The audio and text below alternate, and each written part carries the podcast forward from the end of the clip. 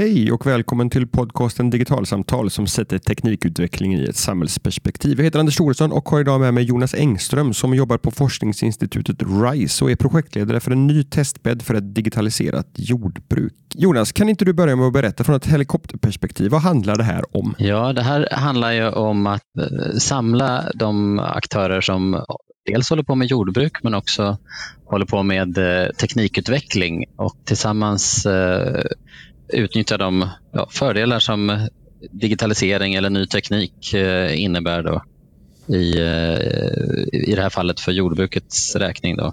Eh, så att man eh, eh, drar nytta av den, de möjligheter till eh, att bygga ny kunskap och, men också sprida befintlig kunskap är väl också en viktig del i det här tycker jag med att eh, eh den digitala tekniken kan hjälpa att sprida kunskap och, och helt enkelt lyfta alla aktörer inom Eh, jordbruket. Då. Det handlar inte bara om att, att använda digitaliseringen för att, för att göra saker och ting på, på en åker eller i, i, en, i en laggård, utan det här handlar också om att, att använda tekniken för att, för att höja kunskapsnivån och hitta, sprida information om best practices och så vidare. Ja, precis. Det, ambitionen är att eh, så småningom kunna bygga upp ett en slags eh, beslutsstödssystem för eh, växtodling. Är det handlar om primärt här i början i alla fall. Då. Mm.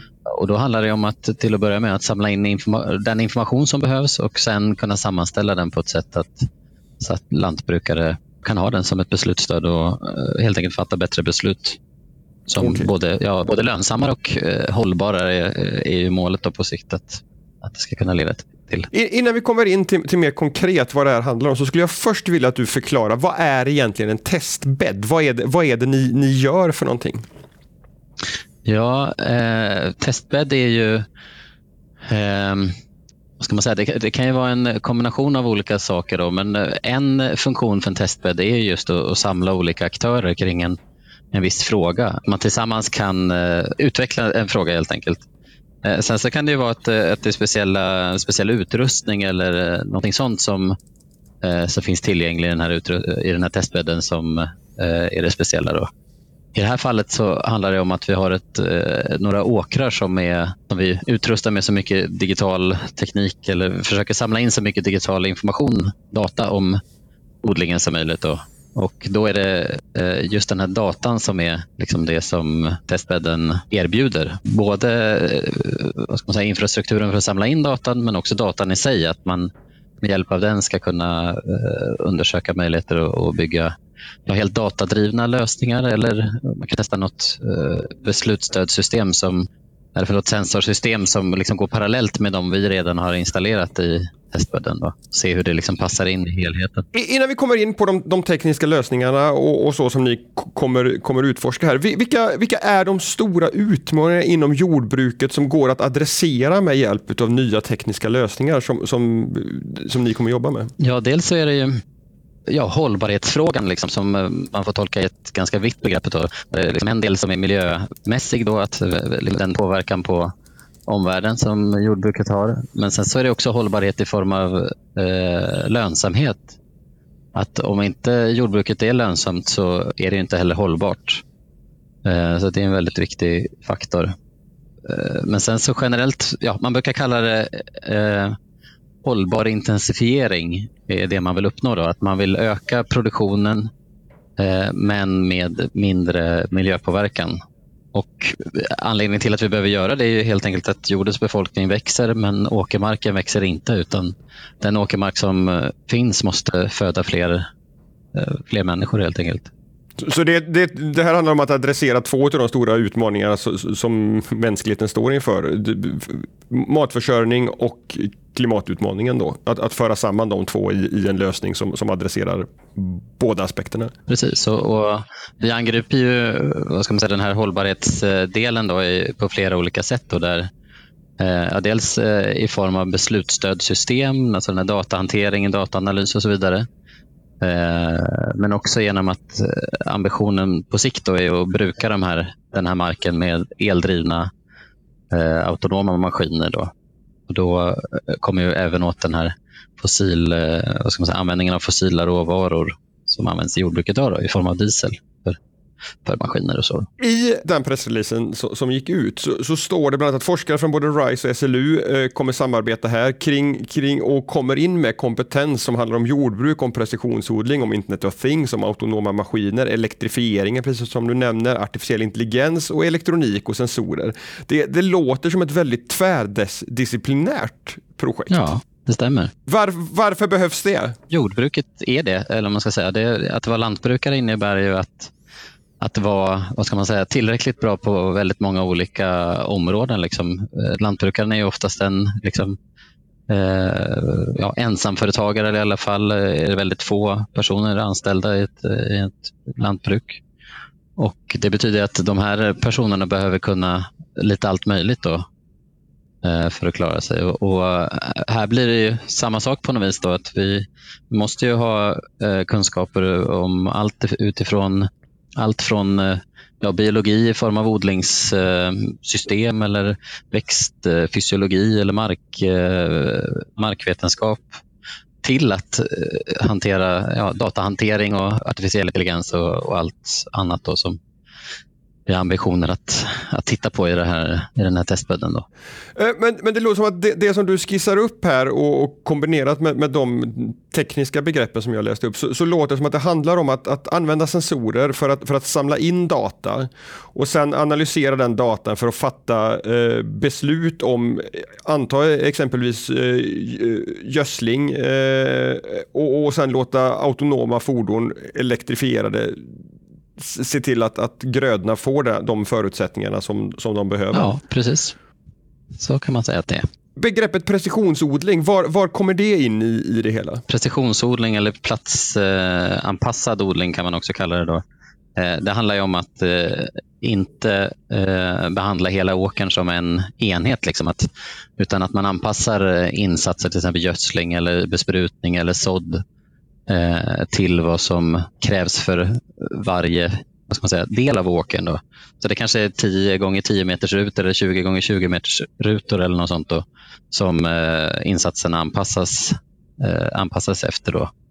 Eh, för traditionellt, eller man ska säga, sedan ja, den nya eller mekaniserade jordbrukets eh, intåg liksom, så har man ju eh, i princip haft en dos eller giva liksom, för hela åkern. Då. Att man kanske har spritt 150 kilo kväve och då har man gjort det likadant över hela åkern. Då. Men nu med ny teknik som kan känna av till exempel kvävebehovet då, så kan man variera det här och, och då få en jämnare kvalitet på eh, skörden. Är det en av orsakerna till att vi har haft problem med, med, med övergödning eh, som en konsekvens av att man har, har spridit för mycket näring på åkrarna? Helt enkelt därför att man i, i områden på åkern där det inte behövs så, så mycket eh, gödsel eh, eller näring som, som i andra delar av åkern har, har, spridit för mycket och därmed har det lakats ut med, med, med vattnet. Ja, precis. Det är väl en anledning. Sen så har man väl spritt eh, för mycket totalt sett också över tid. Men, eh, men det kan ju absolut vara en, en delmängd av förklaringen. Liksom att, att just den fläcken där man spred en viss mängd och inte kunde ta emot det eller inte dra nytta av det så att det lakades ut istället. Då. Vilken typ av data är det man, ni kommer titta på att samla in från de, de här åkrarna som är med i, i, i testbädden? Vilka, vilka, datamängder är det som kommer finnas till hands? Eh, ja, det är ju, eh, det handlar mycket om väderdata. Det är väldigt centralt i, i jordbruket. För det är det som bestämmer alla, eller väldigt mycket av förutsättningarna. Och där är det precis som eh, i samhället i övrigt, liksom att man har prognoser att förlita sig på. Då. Men sen utöver det då så eh, är det till, till, exempel nedgrävda sensorer som kan känna av eh, markfukten, hur mycket vattentillgången liksom för växterna. Alla maskiner som kommer att köra kommer att loggas hur mycket bränsle som går åt och hur, ja, hur mycket kraft som går åt och sådär. Och, och, såklart vilka insatser man gör, och liksom hur mycket gödsel man sprider på olika delar och, och sånt. Mm. Eh, men sen kommer vi även, även flyga med drönare då och eh, samla in information i form av dels vanliga RGB-bilder men också hyperspektrala bilder som man kan använda för att Bland annat se hur grödan mår. Det, det, här tror jag jag har hört talas om tidigare. Det, det handlar om forskning från SLU, eh, antar jag, eh, som, som, handlar om att man kan, kan se bland annat klor, klorofyllmättnaden i, i grödorna och därmed dra slutsatser om eh, eventuella näringsbehov och så vidare. Stämmer. Och all den här datan kommer läggas in i, i en stor databas som, som partnerna i, i testbädden får, får tillgång till och kan, kan börja utforska vilka slutsatser går att dra av de här? Eller hur, hur, hur, ser nästa steg ut? Det handlar ju dels om att samla in datat på ett ja, kvalitetssäkrat sätt eller i alla fall att vi vet hur datan kom till då eh, och att vi har säker tillgång till data. Men sen också att eh, rent fysiskt eller man ska säga, ha tillgång till datan API eller ren tillgång till eh, databasen i fråga då för att analysera vidare. Då. Vilka, vilka typer av lösningar tror du kommer, kommer uppstå eh, ut, utifrån den här datatillgången som ni kommer kunna erbjuda? Visionen är ju liksom att kunna bygga upp någon eh, typ av, eh, ja, man pratar ju mycket om eh, digitala tvillingar i industrin och så. Då. Och det, det, det, mm. kan man ju likna det här då, att vi liksom bygger upp en digital tvilling av odlingssystemet. Så det blir en sorts modellering av odlingssystemet så att man Eh, jag kan testa eh, resultat, simulera resultat i förväg eller under resans gång. Då. Eh, det är visionen, då, men det är en bit bort. Då. Så att det kommer att vara mer punktvisa resultat till att börja med. Men, men tanken är att, att bygga upp den här grundinfrastrukturen och sen så ja, tillsammans vrida upp tempot för varje år då som, som vi kör den här testbädden. Då. Vi har lite tacksam takt i det här systemet då med växtodlingsår som eh, så att vi har ett år i taget som eh, vi har att förhålla oss till, liksom en växtodlingssäsong i taget. Då. Under, under hur lång tid löper projektet? Ja, det är ett eh, uppstartsprojekt som är finansierat av Vinnova. Då. Så att det löper över tre år. Då. Men sen är tanken att den här testbädden ska gå vidare för egen kraft. Att, att, att kunna vara ett kommersiellt erbjudande liksom på, ja, på egna precis. ben på något sätt?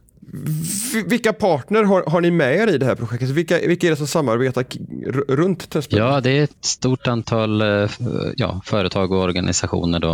Eh, vi har väl några olika grupper. Då. Det, det är dels eh, RISE, alltså vi själva, Research Institutes of Sweden, där vi har olika delar representerade med jordbruk och ICT framför allt. Då. Sen så har vi SLU, alltså Sveriges lantbruksuniversitet, som också är representerat med lite olika eh, ingångar då, där eh, det handlar bland annat om eh, lantbruksteknik i form av elmaskiner och sensorsystem. Det handlar om precisionsodling. Eh, det handlar om företagsekonomi och företagsutveckling. Eh, sen har vi en grupp med ja, svenska industriföretag kan man säga som inte traditionellt håller på med jordbruk direkt i alla fall. Då. Eh, och det är Ericsson, Telia och Volvo Penta eh, som är med i projektet. Och sen har vi ett antal eh, organisationer som är vad ska man säga, som verkar helt inom jordbruket idag. Som Jordbruksverket, LRF, eh, Lantmännen, Dataväxt, Jara, Bayer, LRF Konsult. Eh, och sen är det några regionala aktörer som Region Uppsala och Uppsala kommun.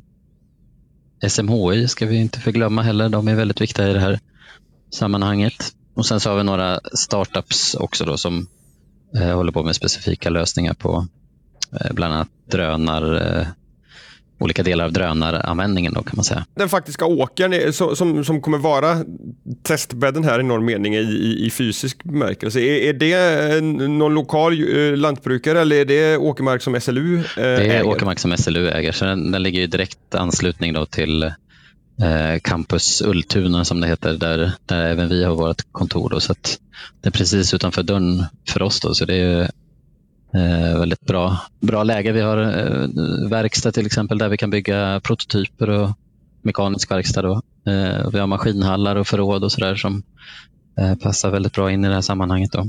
Och sen inte minst att det, det ligger väldigt eh, ja, i anslutning till Sveriges lantbruksuniversitet och Eh, ett av de, ja, det största campuset. Då. Det är också en stor fördel tycker vi. Hållbarhetsaspekten, om vi ska komma tillbaka till den lite grann. Så, så du, du nämnde bland annat att, att det handlar om att genom precisionsodling eh, gödsla i den, i den bemärkelsen som, som grödorna på en viss del av åkern faktiskt kräver. Vilka, andra liksom, hållbarhetsingångar finns, finns i, det, i liksom, möjligheterna här med, med tekniken? Dels eh, handlar det om den här med elektrifieringen, då, men det, det är precis som i övriga samhället, liksom, att det är en väldig fördel att gå från dieseldrivna maskiner till eldrivna. Jag gjorde en simuleringsstudie för ett, ett och ett halvt år sedan när vi tittade på, på just det. Om man byter liksom en dieseltraktor på en gård mot eh, eldrivna maskiner, då, eldrivet maskinsystem, så skulle koldioxidutsläppen minska med 92 procent. Det var och för sig förutsatt att eh, det, det fanns en batterifabrik med eh, svensk el då, eller motsvarande miljöprestanda som svensk mm. el. Då. Men det är väldigt stora förändringar liksom i, i eh, koldioxidutsläpp för just drivmedlen. Då. Och, och det, det, får stora konsekvenser i, i, i, liksom på totalen också. För, för i pressreleasen som ni har skickat ut så står det att jordbruket är den tredje största utsläppskällan av växthusgaser i Sverige. Så att, eh, eh, det, det, är både stora siffror på, på, ett, på ett enskilt lantbruk då, om, om man kan göra den här övergången till elektrifiering, men också om det skulle ske på bred front också i, i, i form av totalsiffror i, i, vad gäller Sveriges koldioxidutsläpp. Ja, precis. Och det, det är väl där eh, mycket om det beslutsstödssystem kommer in också. För att, för att de här att, eh, ja, 20 procenten består ju inte av eh, koldioxid från drivmedel, alltså diesel, Eh, utan det är väldigt mycket som kommer från olika typer av eh, vad ska man säga, jordbrukssystem. Till exempel om man brukar mulljordar så så, så frigörs mycket koldioxid. Men eh, det här med att väva in, eller vad ska man säga, bygga upp ett beslutsstödssystem gör ju att man kan få bättre kontroll på den typen av problematik också och därmed liksom bruka, den, eh, bruka jorden på ett sätt som ger mindre koldioxidutsläpp. Kan, kan, du konkretisera vad ett, vad ett beslutsstöd är och, och hur det skulle faktiskt kunna användas utav en, utav en lantbrukare? Vi tror väl inte riktigt, det, det kommer ju inte liksom vara en, en sån svart box som, som bara sköter jordbruket helt eh, av sig självt liksom, och, och ge, dirigerar maskiner som sticker ut och gör saker medan lantbrukaren ligger på soffan och, och vilar upp sig. Utan det handlar mer om att liksom lyfta fram de beslut som är viktigast för stunden. Och, och eh, tror jag eh, handlar väldigt mycket om att ge, ge förslag och också eh, hjälpa till att vad ska man säga, simulera de konsekvenser som ett visst beslut får. Det handlar ju väldigt mycket som jag sa om, om hur vädret blir när man pratar växtodling. Och, eh, och Det är ju ingen som vet hur vädret blir utan man, man har ju mer eller mindre prognoser. Då, men givet det väder som man har haft hittills på säsongen och det väder som man ser framåt så långt man kan se det så kan man ju se olika riktningar. Liksom. Och om, eh, ja, ett beslutsstödssystem skulle ju kunna hjälpa till att liksom förtydliga de här vägvalen som finns. Att, eh, I princip tror du att det kommer regna mer i slutet på sommaren än vad det har gjort hittills. Då borde du göra så här eh, och så vidare. Men som det är idag så, så handlar ju lantbrukarens beslut väldigt mycket om men det är erfarenhetsbaserat och väldigt mycket intuition. Liksom att man ja, bygger det på den erfarenhet man har bakåt och den, vad man tror ska hända. Liksom. Och där tror jag att ett beslutsstödssystem skulle kunna hjälpa till att förstärka det. Då. Men, men här låter det som det finns stora paralleller. Vi har, vi har tidigare i podden beskrivit hur man inom, inom sjukvården jobbar mycket med att, att liksom, med hjälp av tekniken samla in nya former av data om, om en patient och sen låta datorer komma med förslag på möjliga diagnoser eller, eller möjliga behandlingar och sen så är det ändå läkaren i slutändan som, som fattar det, det slutgiltiga beslutet. Alltså det, det, är en tydlig parallell här, tycker jag i alla fall, låter som att, att tekniken gör det möjligt att samla in nya typer av data och analysera den och därmed ge eh, lantbrukaren möjlighet att, att fatta mer underbyggda beslut om hur, hur jordbruket ska skötas. Ja, precis. Och det, egentligen är det väldigt, eh, vad ska man säga, nära, eller en bra jämförelse. Liksom, för att jag menar, det lantbrukaren eh, ställs inför är ju också liksom en biologisk verklighet, liksom, precis som läkaren ställs inför en, en människa som eh, är en biologisk varelse. Liksom. Så det är samma typer av eh, ja, kopplingar mellan biologi och, och teknik som man måste eh, få till här. Då. Sensorutveckling är någonting som, som det har pratats om mycket eh, på sistone. Att sensorerna blir billigare, de kan mäta nya typer av saker och så vidare. Hur, hur viktig är liksom, datainsamlingen i, i det här i ett projekt av den här typen? Jo, men det är såklart viktigt. För det, det är ju, ja, precis som du sa här alldeles nyss också, att, att det, det ger ju möjlighet att om man tänker att man samlar in överdrivet mycket data som det ser ut, givet vad man vet idag, så kan ju det leda till att man ser samband eh, som man inte ser idag för att man inte samlar in tillräckligt med data eller lika brett. Då. Och Det är egentligen där som den här testbädden är ju, det är väldigt små åkrar med eh, jordbruksmått mätt då, där det är fyra åkrar på en hektar vardera då, där eh, liksom en, eh, en vanlig växtodlingsgård idag om man ska försörja sig på den kanske är, ja, det är flera hundra hektar. Okay.